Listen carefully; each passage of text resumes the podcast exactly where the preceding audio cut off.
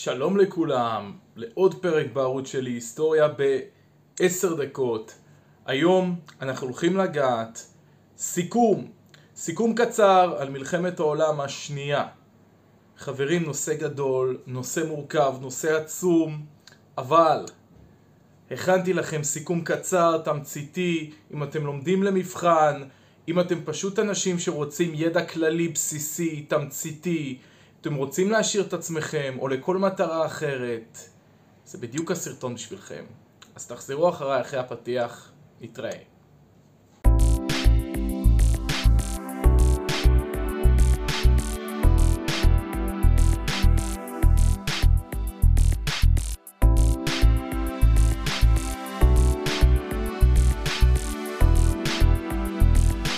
שלום חברים שלי, ברוכים הבאים לעוד פרק בערוץ שלי, היסטוריה בעשר דקות, אני טל, ומה שאני הולך להציג בפניכם היום זה בעצם סיכום על מלחמת העולם השנייה.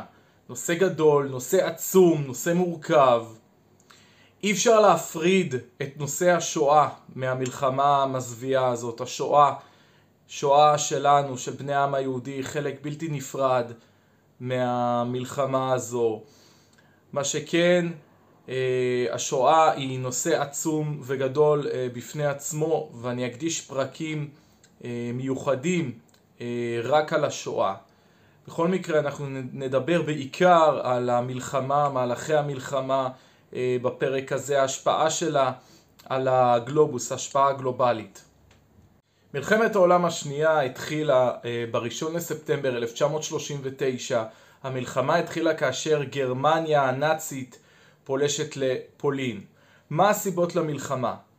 אז יש סיבה אחת מרכזית לפרוץ מלחמת העולם השנייה, ממנה אה, יש מה שנקרא אה, אה, סיבות משנה, סיבות שהן בתוך הסיבה הזאת המרכזית. הסיבה היא כמובן אה, גרמניה הנאצית, עלייתה של המפלגה הנאצית ב-1933 ושורת הצעדים שהמפלגה הזו אה, נקטה עם המנהיג שלה היטלר. אנחנו ניגע גם בזה בפרק נפרד.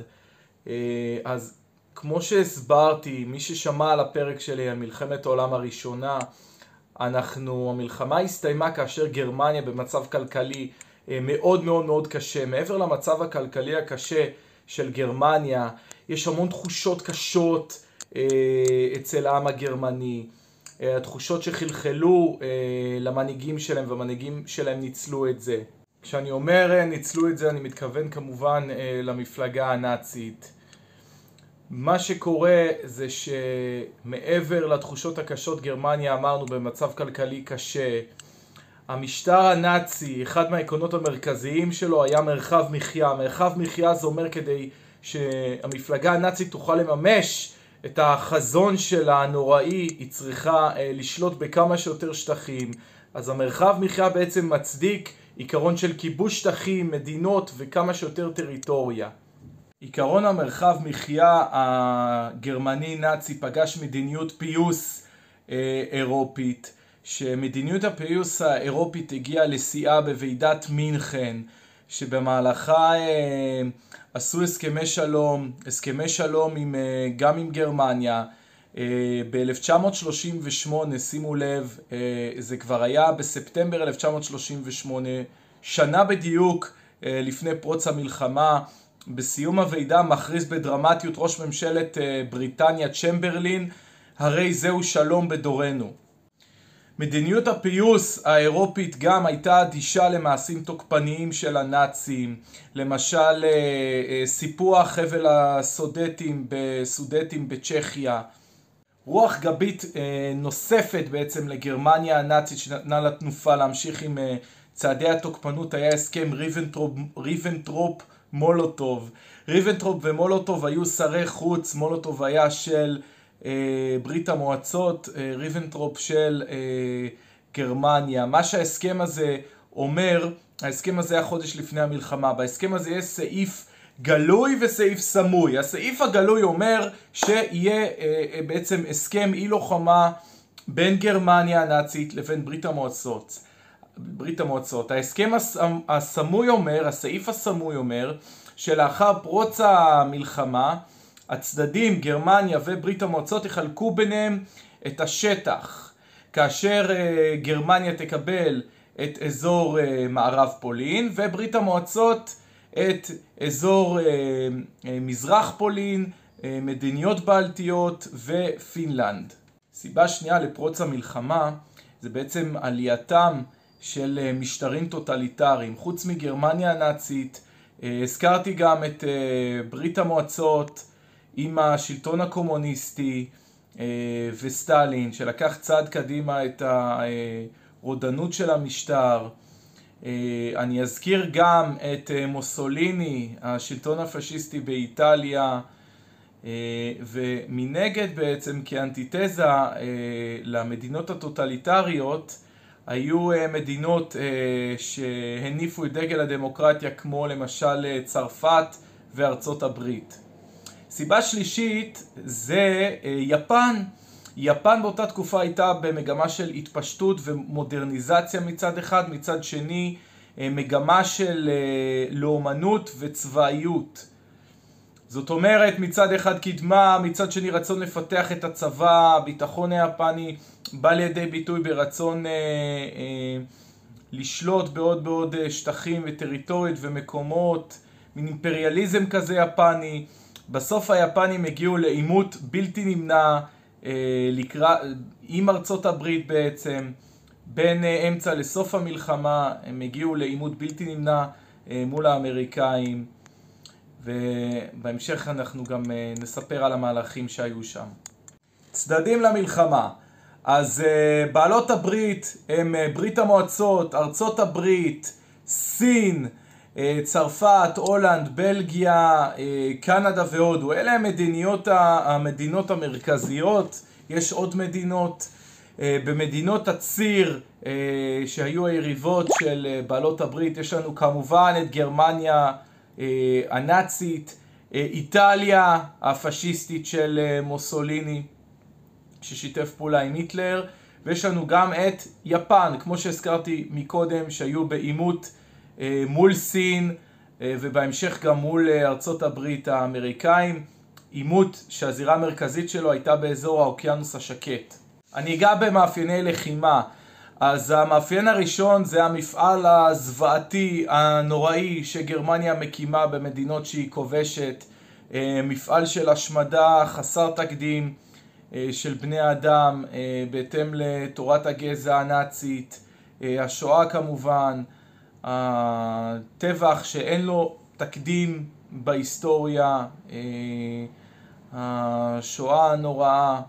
אה, נמשיך עם עוד מאפיין, אה, מלחמה נרחבת. הזכרתי את מלחמת העולם הראשונה כמלחמה נרחבת, אבל מלחמת העולם השנייה לקחה את זה צעד קדימה. מלחמה נרחבת והשתתפות כמעט כל מדינה בעולם, יפן, סין, דרום מזרח אסיה, מזרח התיכון, אפריקה, הודו, כל אירופה פחות או יותר, איי האוקיינוס השקט, אה, גם לאיים הבודדים הפסטורליים המלחמה הגיעה.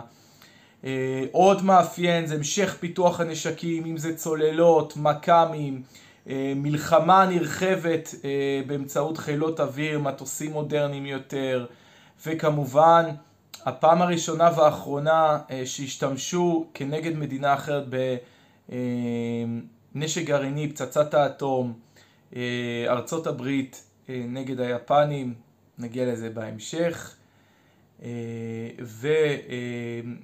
וטקטיקה של הצבא היפני נגד האמריקאים הייתה במתקפת הקמיקזות, התקפה על פרל ארבור שלוש שנים פחות או יותר לפני הטלה של פצצת האטום, בעיצומם של הקרבות בין היפנים לאמריקאים.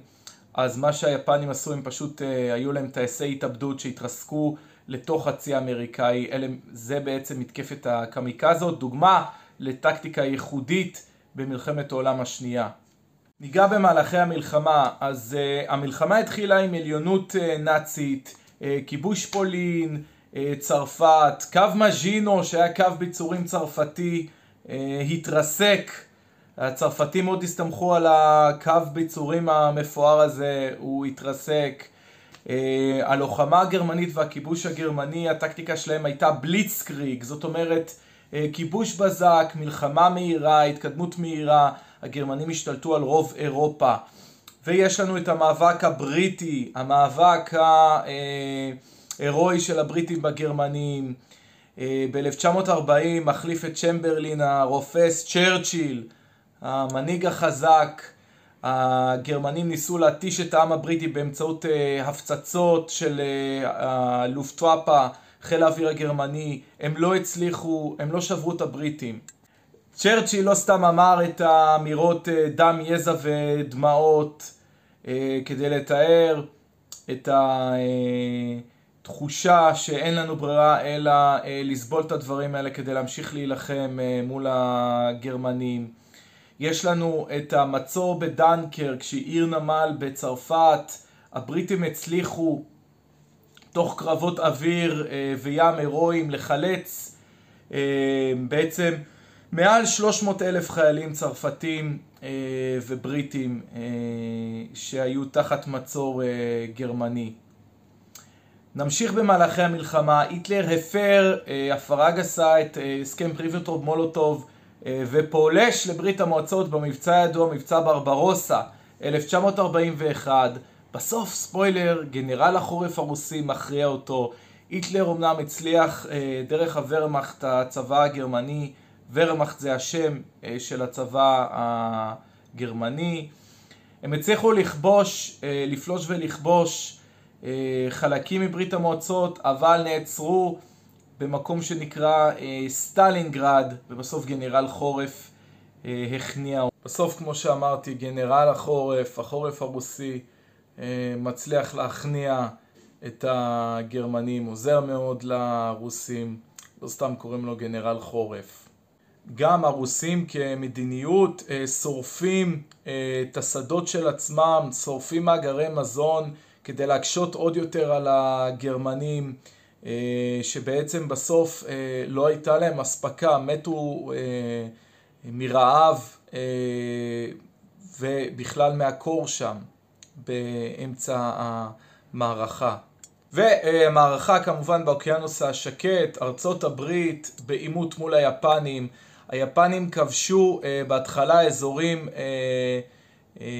בסין, האמריקאים לא אהבו את זה כל כך, התחיל איזשהו עימות על השליטה באזור האוקיינוס השקט והזכרתי את נושא פרל ארבור, התקפה שהייתה בדצמבר 41 בסוף האמריקאים הצליחו לגבור על היפנים בקרבות ימיים מהגדולים והמפורסמים בהיסטוריה. אזכיר רק שמות, מידווי וקרב במפרץ לייטה. היפנים למרות הכל עדיין סרבו להיכנע. ביוני 1944 האמריקאים סייעו סוף סוף גם לאירופים עוד קודם לכן, אבל לקח להם זמן עד שהם התערבו. יש לנו את הפלישה לנורמנדי בהם הבריטים והאמריקאים בעיקר כובשים את צרפת, משחררים אותה מידי הנאצים. זה אחד מקרבות המפנה, הסוף של הנאצים. במאי 1945 הגרמנים נכנעים והזכרתי את זה שהיפנים סרבו להיכנע אז באוגוסט 1945 האמריקאים מורידים שתי פצצות אטום פצצה אחר פצצה על אחת על עיר ושמה רושימה והשנייה על עיר ושמה נגסקי והפצצות האלה עושות נזק הגדול ביותר בהיסטוריה שפצצה עשתה. היום יש לפצצות אטום האלה השפעה על אותם אזורים. ותוצאות המלחמה אז מספר הרוגים קודם כל כ-60 מיליון הרוגים כתוצאת המלחמה כולל, כולל ששת המיליונים מבני עמנו שנרצחו בשואה. השואה כמובן תוצאה ישירה של המלחמה האירוע הנוראי ביותר בהיסטוריה כמובן עוד תוצאה זה ריסוק הכלכלה האירופית, אחרי המלחמה יש כמובן הרס תשתיות אדיר. עוד תוצאה זוהי חלוקת גרמניה בין ארצות הברית, אה, ברית המועצות, בריטניה וצרפת. אחרי המלחמה התכנסה גם ועידת פוצדם, אה, ועידה כלכלית אה, בגרמניה, כאשר מה שקורה בוועידה הזאת זה שהיו אה, הרבה חילוקי דעות בין ברית המועצות לארצות הברית, כבר שם התגלו חילוקי דעות שיובילו בהמשך גם לקרע בין הצדדים. והקרע הזה גם הוביל בסופו של דבר למלחמה הקרה, בעצם מסך ברזל לגוש אה, מדינות של עולם המערבי, אותה מנהיגה ארצות הברית עם האידיאולוגיה הקפיטליסטית, דמוקרטית, כלכלה חופשית, מול בעצם הגוש המזרחי, ברית המועצות, על האידיאולוגיה שלה, האידיאולוגיה הקומוניסטית. ב-1945, אה, במקום חבר הלאומים, אה, מוקם האו"ם, שכמובן ארגון מאוד שנוי במחלוקת, אבל בסוף המטרה שלו, שכשהוקם לפחות, הייתה אה, לקדם את השלום בעולם.